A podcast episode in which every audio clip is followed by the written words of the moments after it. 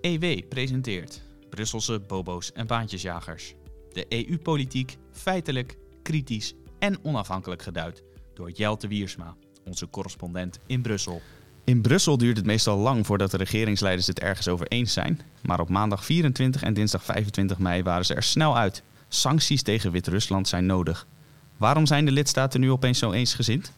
We bespreken het met onze correspondent Jelte Wiersma. Ook aandacht voor de Green Deal, het paradepaardje van Frans Timmermans, waarover in Brussel driftig wordt onderhandeld. Tot slot bespreken we de strategische strijd tussen de Europese Unie en China, waarbij de EU steeds meer spierballen toont. Het komt allemaal aan bod in deze aflevering van Brusselse bobo's en baantjesjagers. Mijn naam is Matthijs van Schie. Goed dat u luistert naar een nieuwe podcast van EW. Jelte, hartelijk welkom. Hallo. Het leek uh, maandag een relatief rustige EU-top te worden. Maar uh, dat veranderde toen in Wit-Rusland een vliegtuig werd uh, gedwongen te landen door het regime van Lukashenko.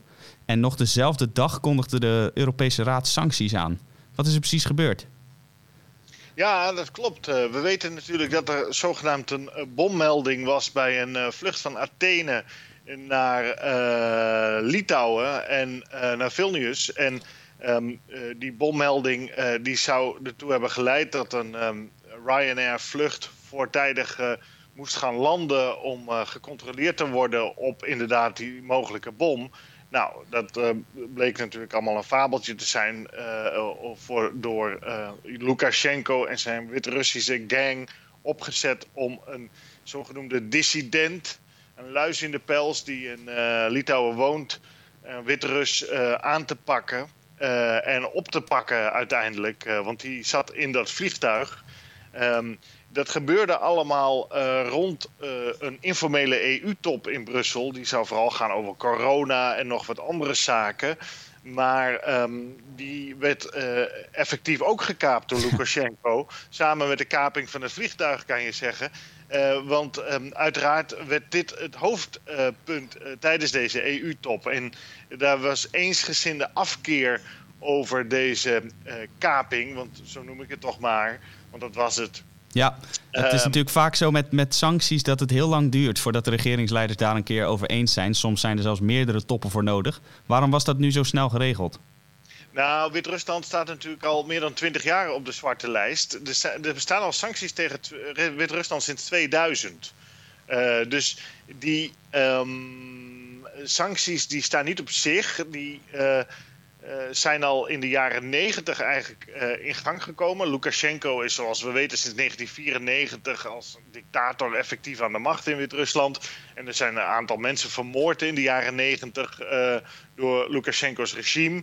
En die mensen die staan al op sanctielijsten sinds 2000.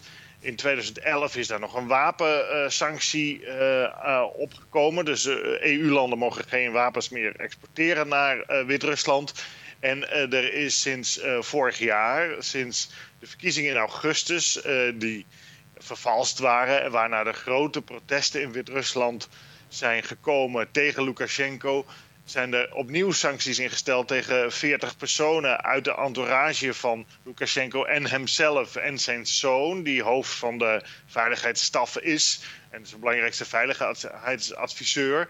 Uh, en er ligt een lijst bij de uh, Europese Raad en bij de Europese Commissie met wat ze nog meer kunnen uh, doen aan sancties, hoe ze dat verder naar een hoger niveau kunnen drukken, hoe ze het kunnen, kunnen escaleren. Is het wel zo dat er zijn, zijn sancties ingesteld al eerder, maar nog niet concreet naar die EU-top zo voldragen. Het is zo van zo gaat het meestal tijdens die EU-toppen. Als er iets gebeurt, eh, dan krijgt de Europese Commissie de opdracht van... kom met een voorstel en dan bij een volgende top... worden er echt zwaardere sancties afgevaardigd uh, of uitgevaardigd. En je ziet nu dat wordt gedacht, bijvoorbeeld uit Duitse hoek... om geen fosfor en olie meer in te voeren uit... Uh, uh, Wit-Rusland en zo zijn er verschillende landen die nog voorstelletjes hebben. Het Verenigd Koninkrijk, geen EU-lid trouwens, maar Um, ze heeft al wel meteen gezegd met Frankrijk en Nederland bijvoorbeeld. het Europese kampioenschap wielrennen mag niet in uh, Wit-Rusland gehouden worden. Wij sturen geen afvaardiging. En dat is ook uh, inderdaad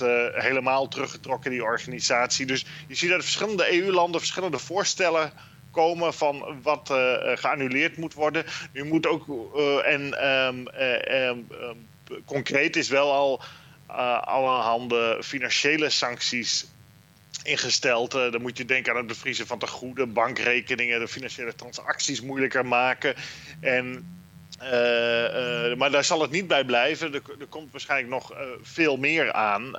en daarbij moet je ook denken dat Wit-Rusland niet een belangrijke economische speler is. dat zijn 9 à 10 miljoen mensen. Um, die export van Wit-Rusland gaat vooral naar Rusland. Ze maken natuurlijk de beroemde Belarus-tractoren. bij Minsk in die beroemde fabriek, die ook tijdens de Eerste en Tweede Wereldoorlog al een rol speelde. Uh, waar ze wel wat geld aan verdienen is olietransport. Zij krijgen goedkope olie en ook gas overigens van Vladimir Poetin. Een beschermheer natuurlijk eigenlijk. En dat pompen ze door met winst naar uh, Europese Unielanden. En dat is een van de belangrijke inkomstenbronnen voor Lukashenko. Dus daar kan hij wel geraakt worden.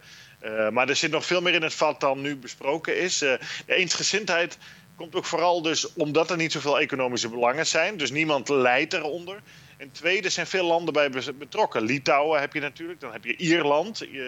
Ryanair is natuurlijk een Iers bedrijf. En er zaten eh, burgers uit verschillende EU-landen aan boord van dat uh, vliegtuig. Een, aantal Fransen, als ik het wel heb.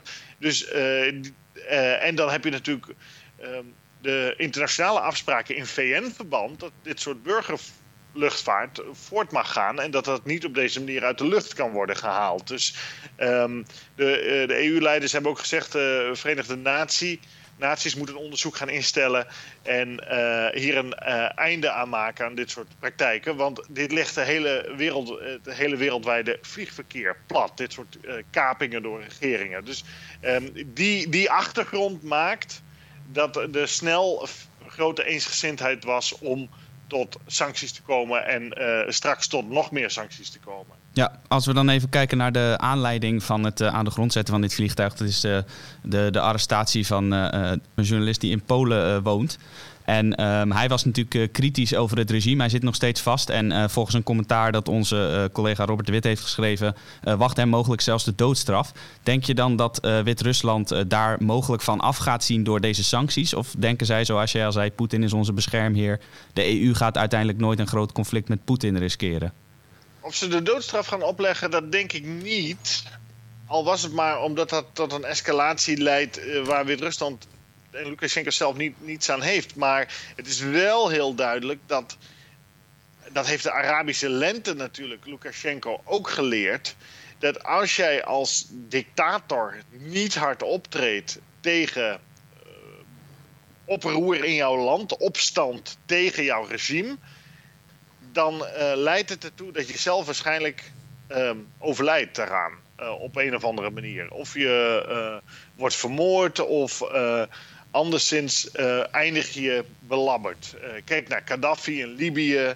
Um, uh, kijk ook naar een aantal andere dictators die we hebben gezien. En we, je ziet dus dat Assad in Syrië, ook met steun van Rusland en Lukashenko in Wit-Rusland, daar wel de, de lessen uit hebben getrokken van als er opstanden zijn, kei en keiharde harde repressie daartegen inbrengen. Want dit is letterlijk voor die mensen een overlevingsstrijd. Uh, uh, hun persoonlijke lijf en leden zijn in het geding hier.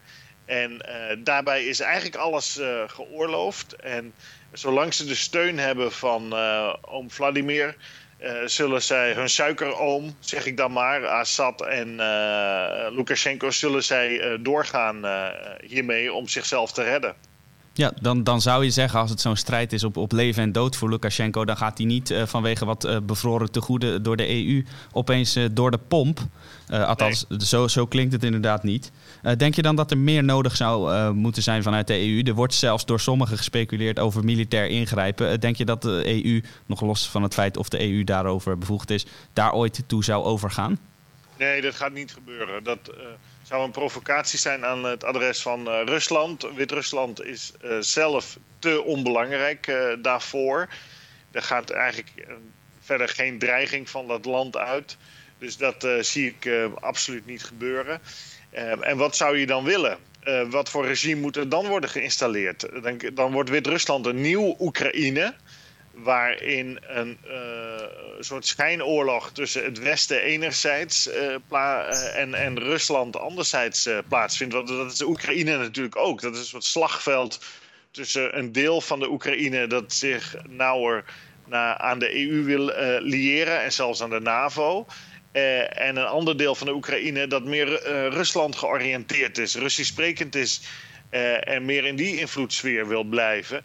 Nou, dat heeft dat land in een burgeroorlog gestort met vele duizenden doden. Dat is een scenario, dat ga je ook krijgen in Wit-Rusland natuurlijk. Op het moment dat landen van de Europese Unie daar ehm, op een of andere manier militaire operaties uh, zouden gaan uitvoeren. Um, en je moet niet denken dat Wit-Rusland opeens een voorbeeldige democratie wordt als Lukashenko weg is. Uh, dat lijkt me ook iets te hoopvol.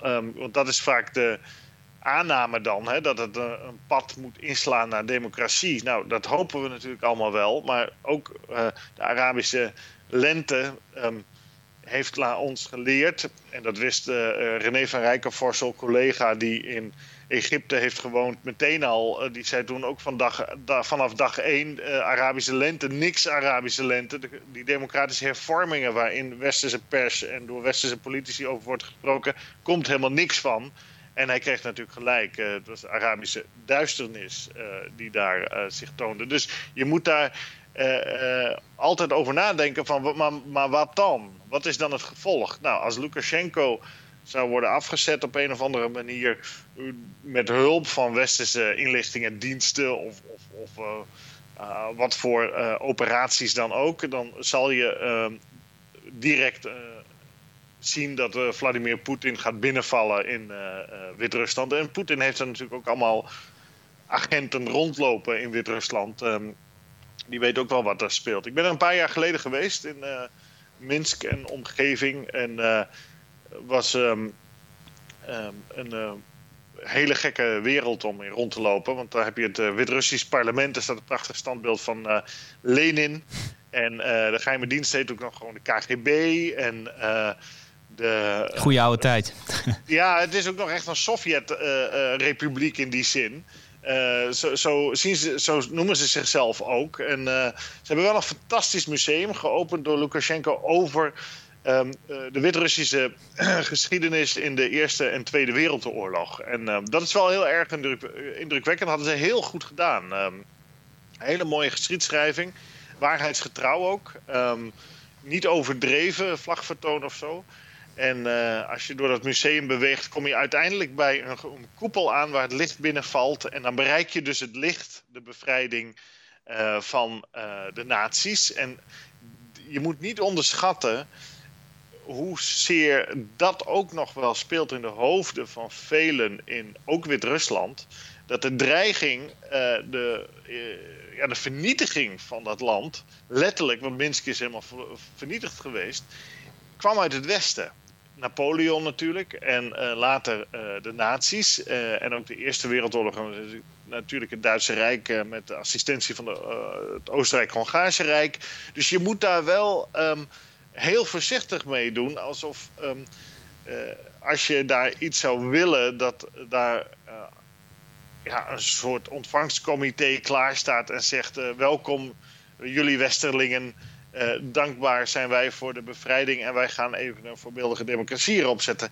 Dat hoef je niet te verwachten. Dus wat valt er te winnen met militaire operaties in die contraien? Nou, niks. Uh, dus ik denk dat het een bevroren conflict wordt. Er zullen meer sancties komen tegen Wit-Rusland. En Wit-Rusland was er eigenlijk al een soort provincie van Rusland. Bewoog zich een aantal jaren lang richting de EU, overigens.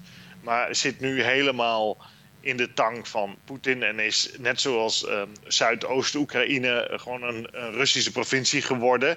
En daartussen heb je eigenlijk twee bufferzones, West-Oekraïne en uh, Wit-Rusland. En uh, dat, die bufferzone die zal blijven bestaan. En ik denk dat beide blokken dat ook wel aantrekkelijk vinden, dat er zo'n bufferzone is. Um, dat je uh, elkaar niet helemaal aanraakt. Want waar de EU en Rusland elkaar wel aanraken, de Baltische Staten, zie je dat er toch grote nervositeit is. Aan twee kanten overigens. Hè.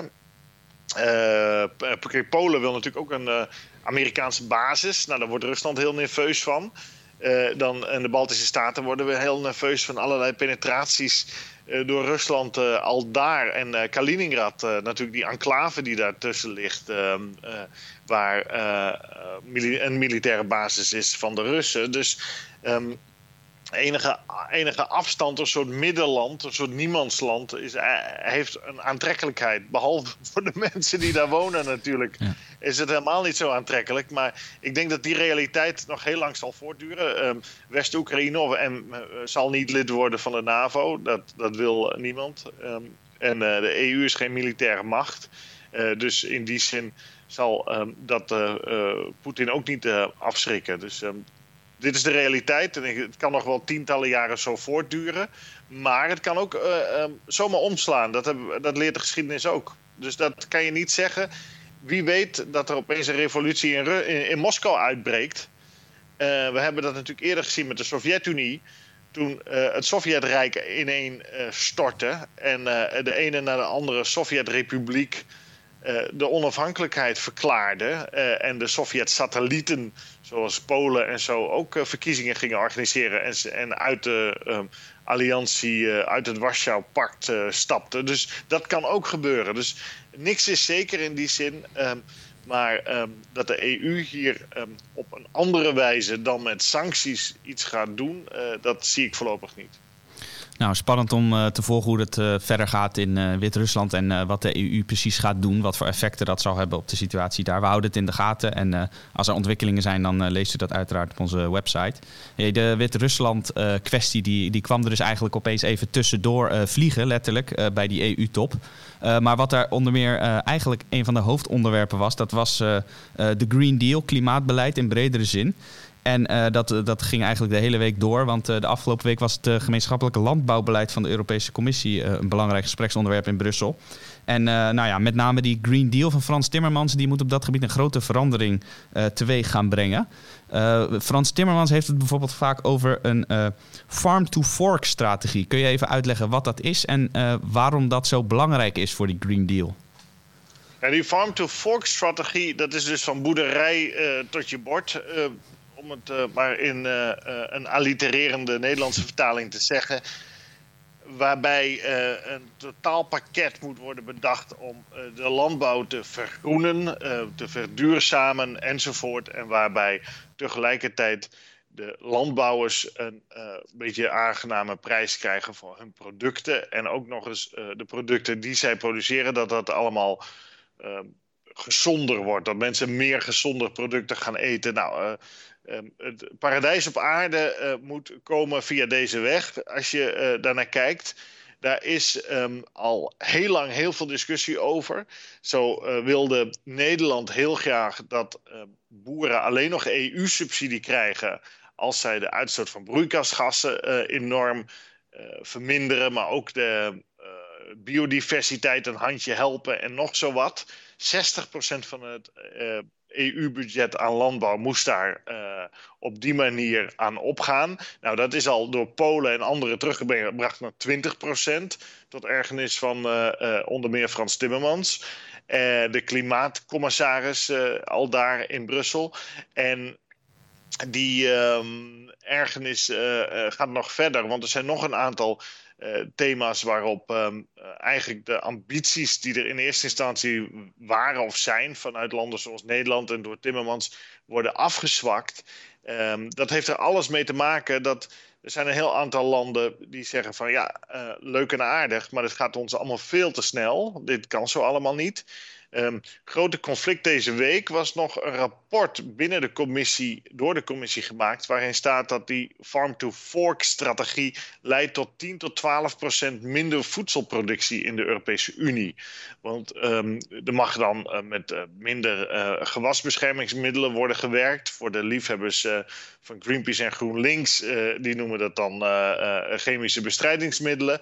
Um, wat je ook maar wil. De landbouwlobby gebruikt dus gewasbeschermingsmiddelen. Nou, het is allemaal waar. Um, het gaat ook over of je nou wel of niet genetisch gemanipuleerde of gemodificeerde gewassen mag gebruiken. Het gaat over um, of je akkers een aantal jaren of een tijdje niet moet gebruiken om daar de bodem te kunnen laten herstellen. Want als je te veel uh, grondstoffen uit de bodem trekt, dan verarm je die grond. Uh, nou, dus, uh, het gaat over de waterkwaliteit, enzovoort, enzovoort. Nou, er is nogal wat oproer over um, de 10 tot 12 procent minder opbrengst die deze farm-to-fork-strategie zou moeten opleveren. Want um, dat past wel in de lijn van D66, die natuurlijk zegt in Nederland de veestapel moet worden gehalveerd. Um, daar is zorg over vanuit de landbouwsector, maar wel in bredere zin. Want de Europese Unie produceert voor meer mensen uh, voedsel dan het zelf kan opeten. Maar dat is ook altijd een enorme kracht geweest van de EU. Uh, juist omdat het grotendeels begonnen is met landbouwbeleid en met standaarden en regels en weet ik wat. Dat de, het voedsel uit de EU wordt eigenlijk wereldwijd gezien als het beste dat je kan hebben. Dus in China, als je een beetje centen hebt, dan ga je EU eten. Eten. Als er een label staat uit de EU, dan eh, wil je dat hebben, want dan weet je dat er geen uh, rommel in zit. Uh, en er zijn natuurlijk heel wat schandalen geweest met voedsel in Azië, zeker in China, met bijvoorbeeld babypoedermelk, waarbij een heel aantal baby's overleden zijn. en toen kwam een massale run, dat weten we nog wel, op supermarkten, waar babypoeder uh, door Chinezen, uh, maar ook door Nederlandse studenten werd opgekocht en in een pakje werd naar, naar Peking werd gestuurd, omdat de vraag daar zo groot was naar dit soort Europese producten. En dit is wel een enorm EU-succes, zou je kunnen zeggen, die landbouw. In de, in de wijze waarop hoogwaardige voedselproducten uh, binnen Europa beschikbaar zijn, maar ook de wereld overgaan. Er zit wel een groot protectionistisch element in. Vanuit Frans-Duits perspectief is dat erin gefietst. Daar heb ik wel enige aarzelingen over. Want als ik Amerikaans rundvlees wil eten.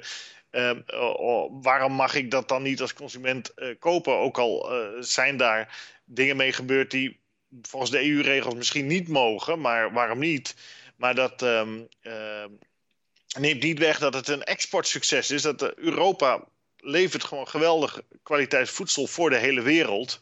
En um, Franse kazen, Franse wijnen, Nederlandse melk, Nederlandse za zaadveredeling en, en Um, uh, tomaten natuurlijk hebben we. Dus uh, we hebben natuurlijk uit Duitsland ook mooie wijnen, schitterende zuivelproducten ook, uh, speciale yoghurts en zo, deegwaren enzovoort enzovoort. Um, bier niet te vergeten. Um, dus ik, ik zou zeggen, wees een beetje voorzichtig. slag die kip met het gouden eieren niet. Want ja, Europa is goed in een aantal dingen. Dat zijn die auto's natuurlijk. Uh, daar is Europa echt heel goed in. Uh, voedsel. Dus uh, de auto's die zijn al onder vuur genomen na het dieselschandaal. Nu, nu komt het voedsel ook onder vuur. Wees een, wel, wees een beetje voorzichtig toch. Dat, dit zijn economische Europese powerhouses. Ga die toch niet ja, van kant ja. maken. Want dan hebben we helemaal geen inkomen en geen werk. En, en uiteindelijk helemaal geen eten meer. En ja. dan is het een, geen farm-to-fork strategie. Dan is het een een farm-to-nowhere strategie. Precies. En dan uh, lijden we honger. Hè? Ja, want uh, nog even naar dat rapport. Als er nou uh, de prijzen met wel 12% bijvoorbeeld zouden stijgen... dan zien natuurlijk al die boeren al de bui hangen, wat jij ook zegt. Dan wordt er natuurlijk massaal vlees en zuivel enzovoort... uit, uit andere delen van de wereld geïmporteerd. dus ik neem aan dat Frans Timmermans ook die kritiek wel te horen krijgt, toch? is hij daar gevoelig voor? Het gaat niet over de prijzen. Het gaat niet over de prijzen per se. Hè? Het gaat over dat er minder geproduceerd gaat worden. 10 tot ja. 12% minder geproduceerd. Ah. Um, kijk, de EU importeert niet zoveel voedsel. Kijk maar eens in het uh, supermarktschap. Uh, je, je vindt wel uh, hamburgers uit Argentinië. Je vindt wel eens wat vlees uit Amerika. Maar die zijn, dat is dan volgens de EU-standaarden geproduceerd. Um, en dat is vaak duurder. of niet goedkoper in ieder geval. Want um, in de EU krijgen dus boeren veel subsidie van het EU jaarbudget van zo'n 150 miljard euro gaat zo'n 45 procent uh, gaat naar EU-landbouwsubsidie elk jaar. Dus dat krijgen boeren en, en, en grondbezitters. Dus daar uh, kan de Argentijn niet zo makkelijk mee uh, concurreren. Dus ehm, het zijn meer de exclusieve producten van elders. die je hier wel in de schappen vindt. qua etenswaren, maar verder eigenlijk alles wat je in Nederland in, in de schappen vindt, komt uit de Europese Unie. Ja, precies. En uh, die, die kritiek uh, die loskomt op dit plan, uh, denk je dat Frans Timmermans daar nog naar gaat luisteren? Dat hij zegt, ik ga mijn plan, mijn farm-to-fork strategy misschien iets aanpassen om de boeren ter wille te zijn? Of is het meer van deze richting is nu ingeslagen en daar hebben jullie het maar mee te doen? Nou, hij heeft een beetje een ongelukkige positie, want hij heeft een vriendin, een nieuwe vriendin, Frans Timmermans, die heet Greta Thunberg. deze, deze Greta Thunberg, die kennen we nog als Zweedse klimaatsmurf, zoals ze werd omschreven in een van de kranten. Wat, wat natuurlijk een beetje ondeugende typering was, maar desalniettemin wel geestig.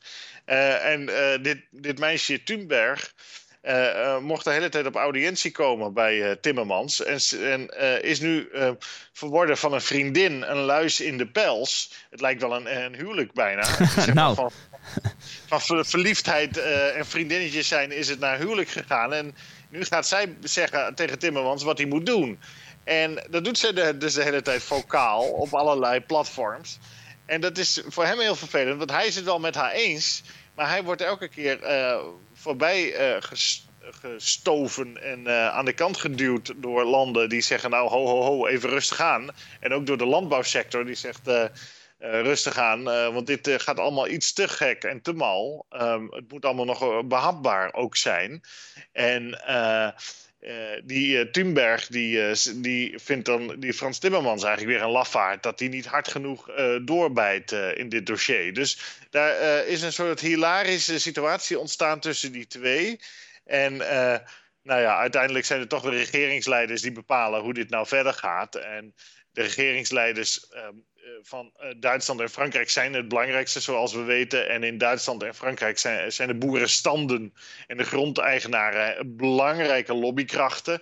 Dus um, dit gaat wel e-, enigszins rustiger dan um, uh, in eerste instantie uh, gepresenteerd door uh, Timmermans en, en consorten.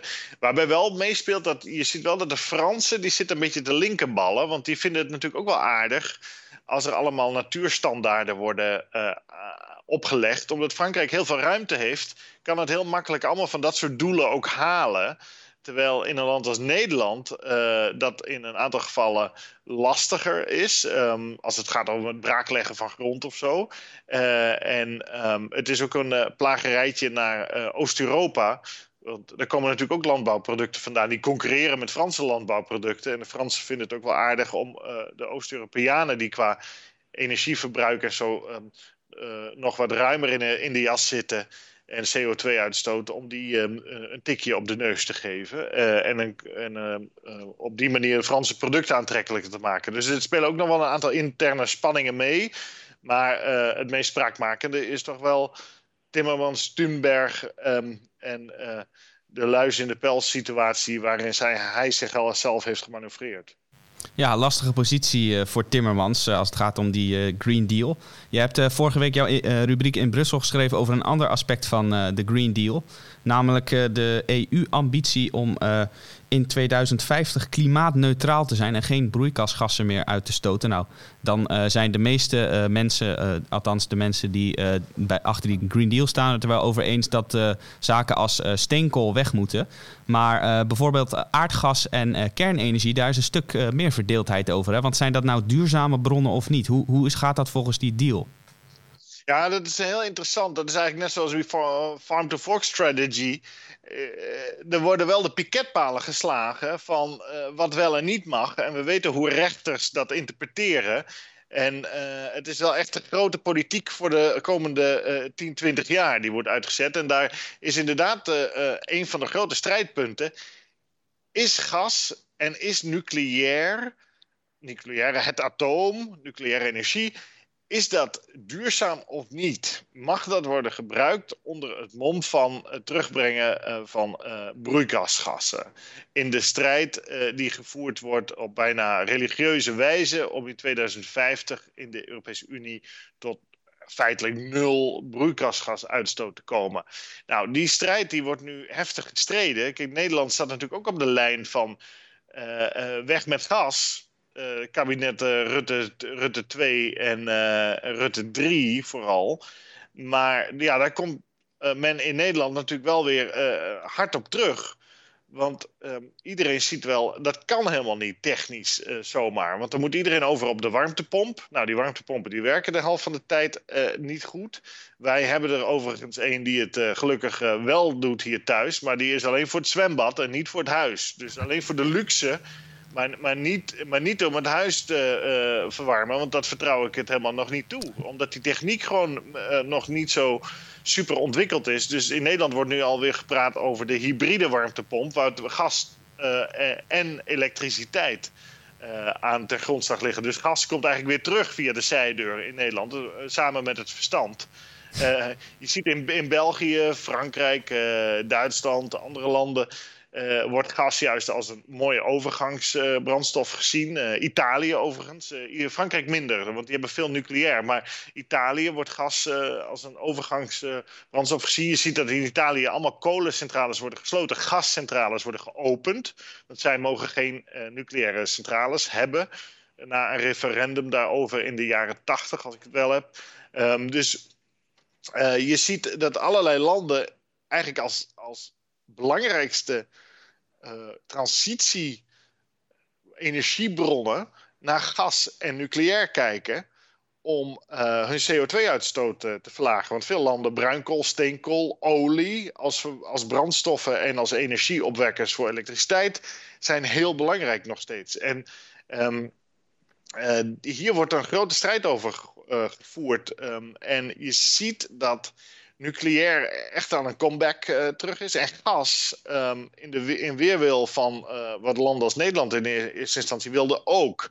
En dat juist uh, het verstoken van hout waar Nederland ook um, am spitsen was. Hè? Die, Nederland is altijd gidsland natuurlijk. Die wil altijd graag als eerste zijn en de rest vertellen hoe het moet.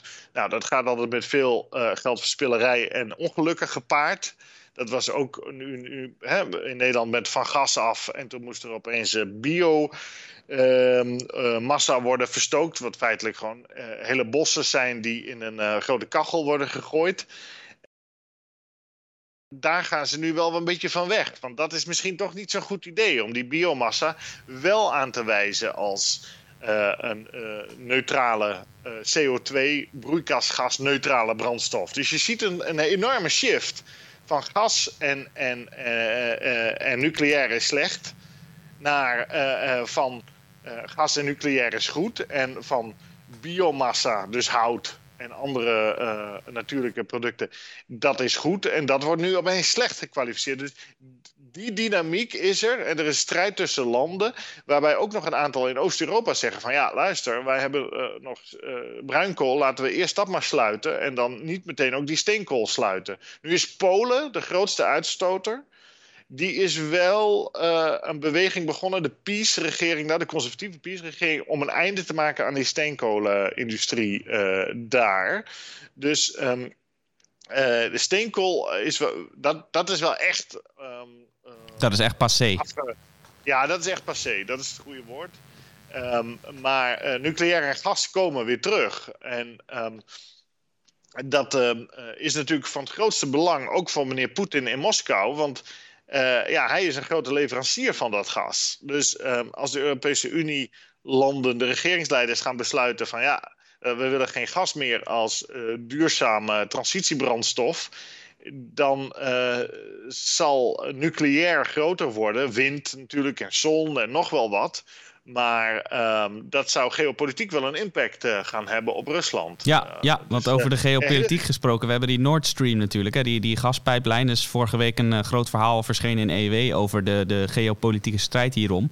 Maar is dat ja. een reden dat, dat de EU zegt aan dat gas moeten we blijven of juist niet? Nee, helemaal niet. Um, het is gewoon een praktische overweging. Wat is het alternatief? In Duitsland wordt nog bruinkool verstookt. Hè? dus als je zo'n bruinkoolcentrale dichtgooit en je wil geen nucleair, dat wil Duitsland niet, dan heb je als alternatieve wind en zon, maar die zijn niet altijd beschikbaar. Dus de enige achtervang die je dan hebt om die fluctuaties op het elektriciteitsnet op te vangen, uh, is een gasturbine. Dat kan je heel snel inschakelen, kan je ook heel snel uitschakelen. Uh, um, dus um, er is geen alternatief dan uh, met de technieken die nu bestaan. Dus het kan eigenlijk niet anders dat dat gas weer terugkomt als een transitiebrandstof die de stempel duurzaam krijgt. Uh, en nucleair uh, is aan het terugkeren bezig die onstopbaar lijkt. Omdat, wat wil je anders um, als je straks ook over 10 of 20 of 30 jaar geen gas meer wil? Ja, dan lijkt toch nucleair de enige serieuze optie om een nou ja, stevige energievoorziening die betrouwbaar en goedkoop is aan te leggen. Um, al was het maar omdat het energieverbruik naar schatting in de komende 20 jaar nog eens gaat verdubbelen door alle computers, datacenters, elektrische auto's natuurlijk. Als je dat allemaal wil laten rijden. Uh, en ook vrachtauto's en, eh, en, uh, en binnenvaartschepen op elektra wil hebben. Ja, dat kan allemaal wel, maar waar moet het dan vandaan komen? Nou, uit die windmolens, daar haal je het niet. Uit de zonnepanelen haal je het ook voorlopig nog niet. Ehm, dus um, daar moeten andere bronnen met meer kracht voor komen. En dan, als je geen gas wil, is nucleair eigenlijk het enige wat, wat substantieel energie oplevert. En dat veilig en betrouwbaar en betaalbaar is. Dus, um, uh, maar goed, we gaan zien. nucleair zat in het verdomhoekje.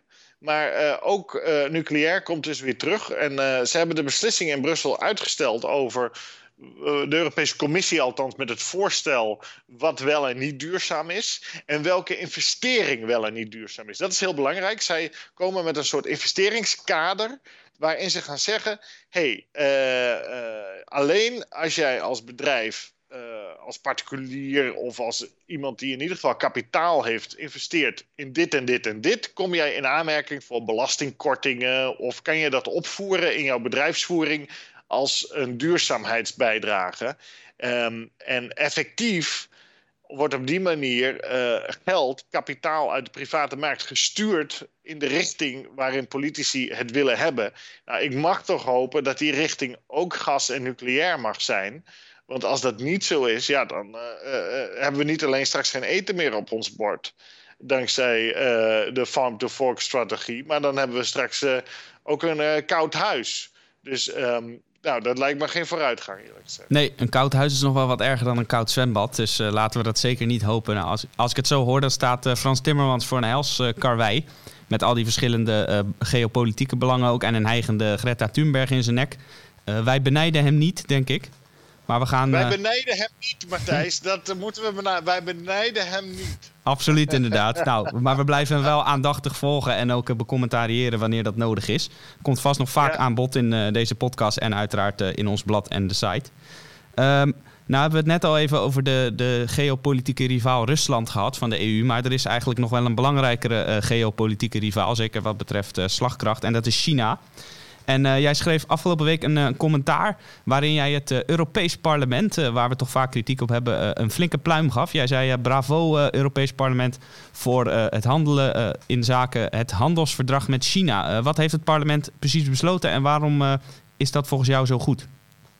Ja, zoals we weten, de Europese Raad van Regeringsleiders heeft in december 2020 onder hoge druk van de toenmalige rolerend EU-voorzitter Angela Merkel, de Duitse bondskanselier, gezegd: Wij uh, uh, gaan akkoord met een handels- en investeringsverdrag met China, het CIP genoemd, dit verdrag.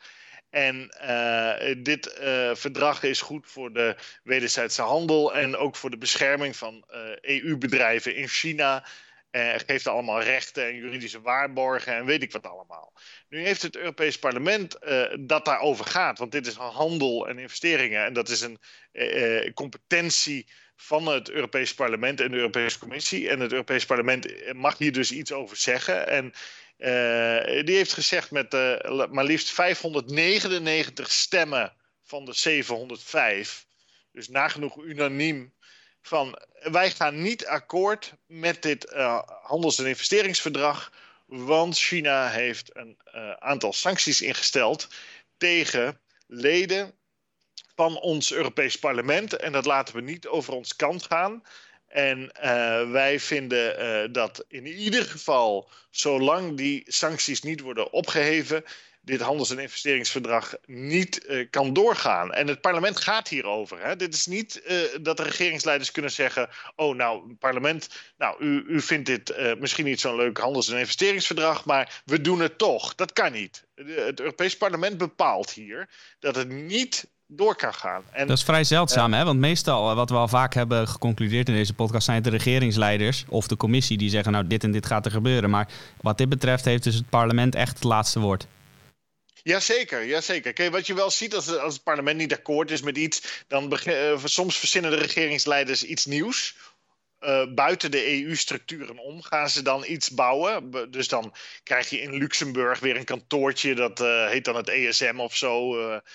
En dan wordt dat eigenlijk gewoon naast, naast de EU gezet. En dan valt het dus niet binnen de EU-verdragen. En dan kan je gewoon bilateraal of multilateraal met 27 landen afspreken hoe je dat doet.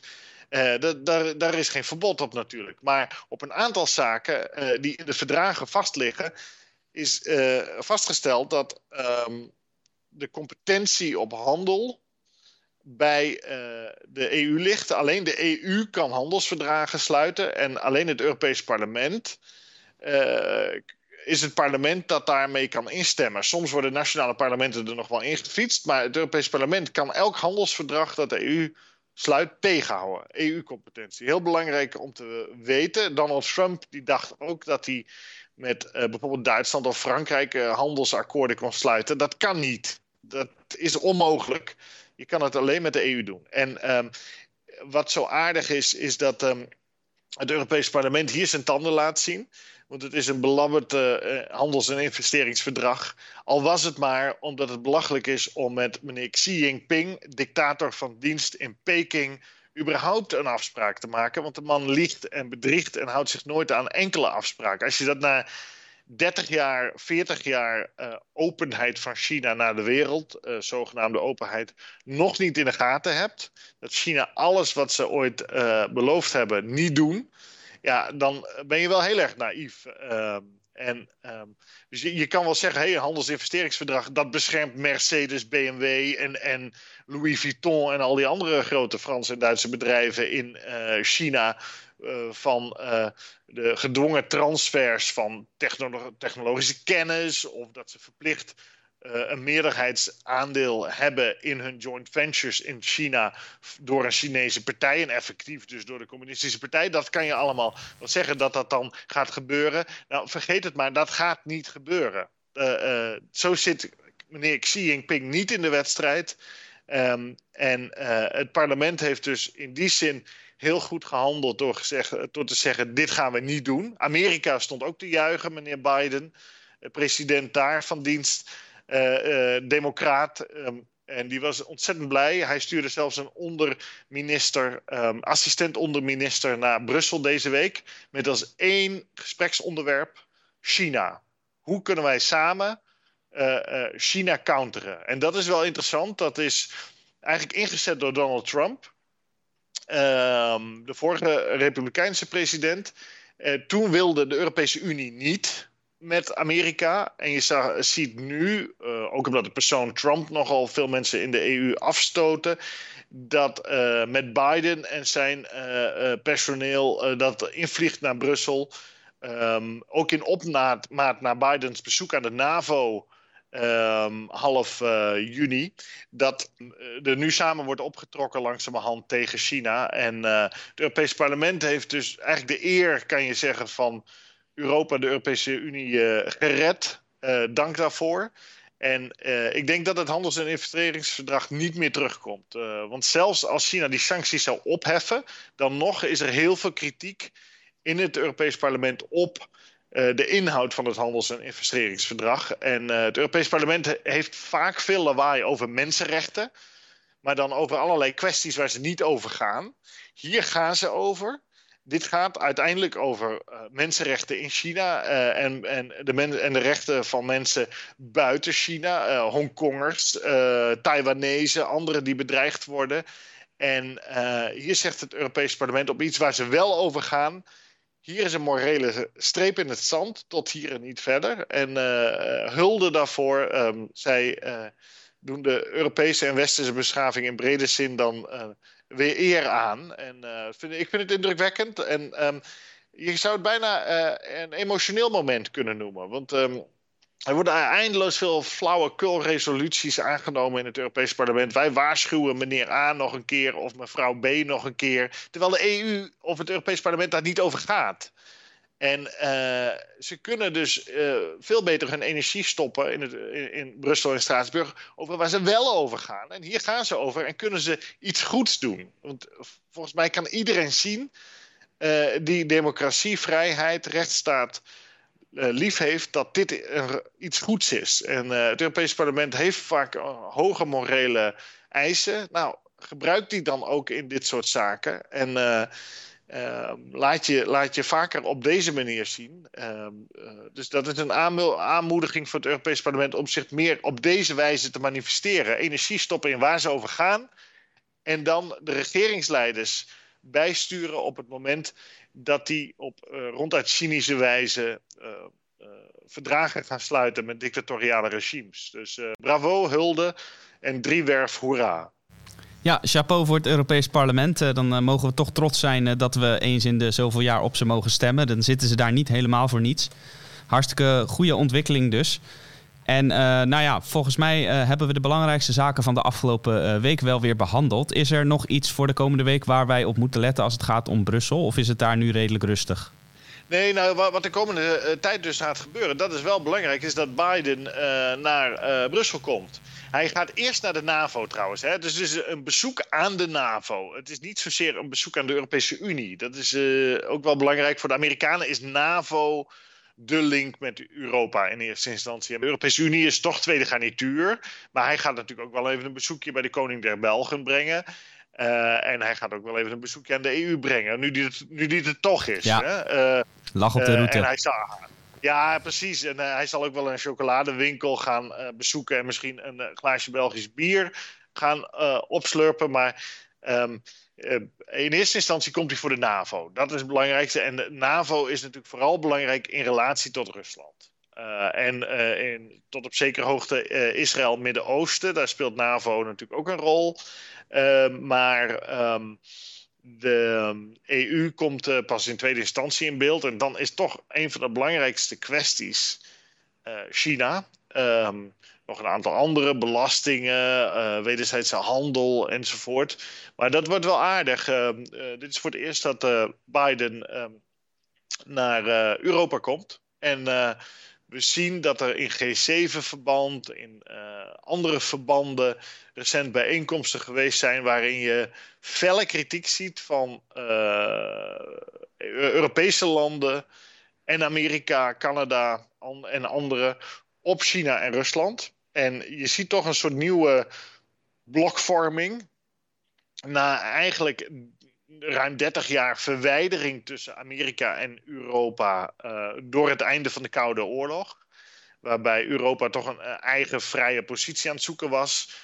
Uh, los van Amerika, dat de twee toch bij elkaar in de armen geduwd worden. En je ziet dat een aantal landen nu in Azië zich daar min of meer bij aansluiten. Japan, Zuid-Korea, Australië. Een heel boeiende situatie. Dus je krijgt eigenlijk een groter blok mondiaal anti-China. Ja, de vrije wereld noem jij het blok vaak. Hè? Dat is de, heel de vrije... sterk afgebakend. Precies, de vrije wereld. Vroeger tijdens de Koude Oorlog werd het dan het Westen genoemd. Maar ik liever, noem het liever nu de vrije wereld. Dat is dat is los van een windstreek of anderszins. Dat, uh, los van volk, uh, ras, religie. Of, inclusief kun je het noemen? volledig, wij zijn te volledig inclusief. Zo is dat, het. dat weten we al heel lang natuurlijk. Ehm, en maar dat is, dat is de grote beweging die je ziet gebeuren.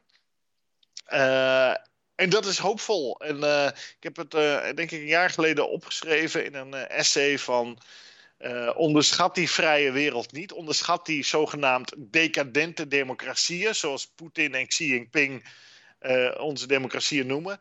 Onderschat die niet, want die veerkracht is vaak veel groter dan je denkt. En dat zie je nu gebeuren. Uh, en um, Uh, ik ben daar uh, zeer, zeer uh, positief over en enthousiast. het is nog niet perfect, maar de grote beweging is dat de vrije landen van de wereld samenkomen. Op allerlei platforms, NAVO, EU, G7, G20, G8 heb je. Nou, je hebt allerlei van dat soort bijeenkomsten. In Azië verschillende platforms. de D10 heb je in Azië bijvoorbeeld. En dat beweegt de goede kant op. Dus de vrije wereld verenigt zich tegen de tirannie en dictatuur. En uh, uh, op die noot kunnen wij uh, straks vrolijk de zomer in, denk ik.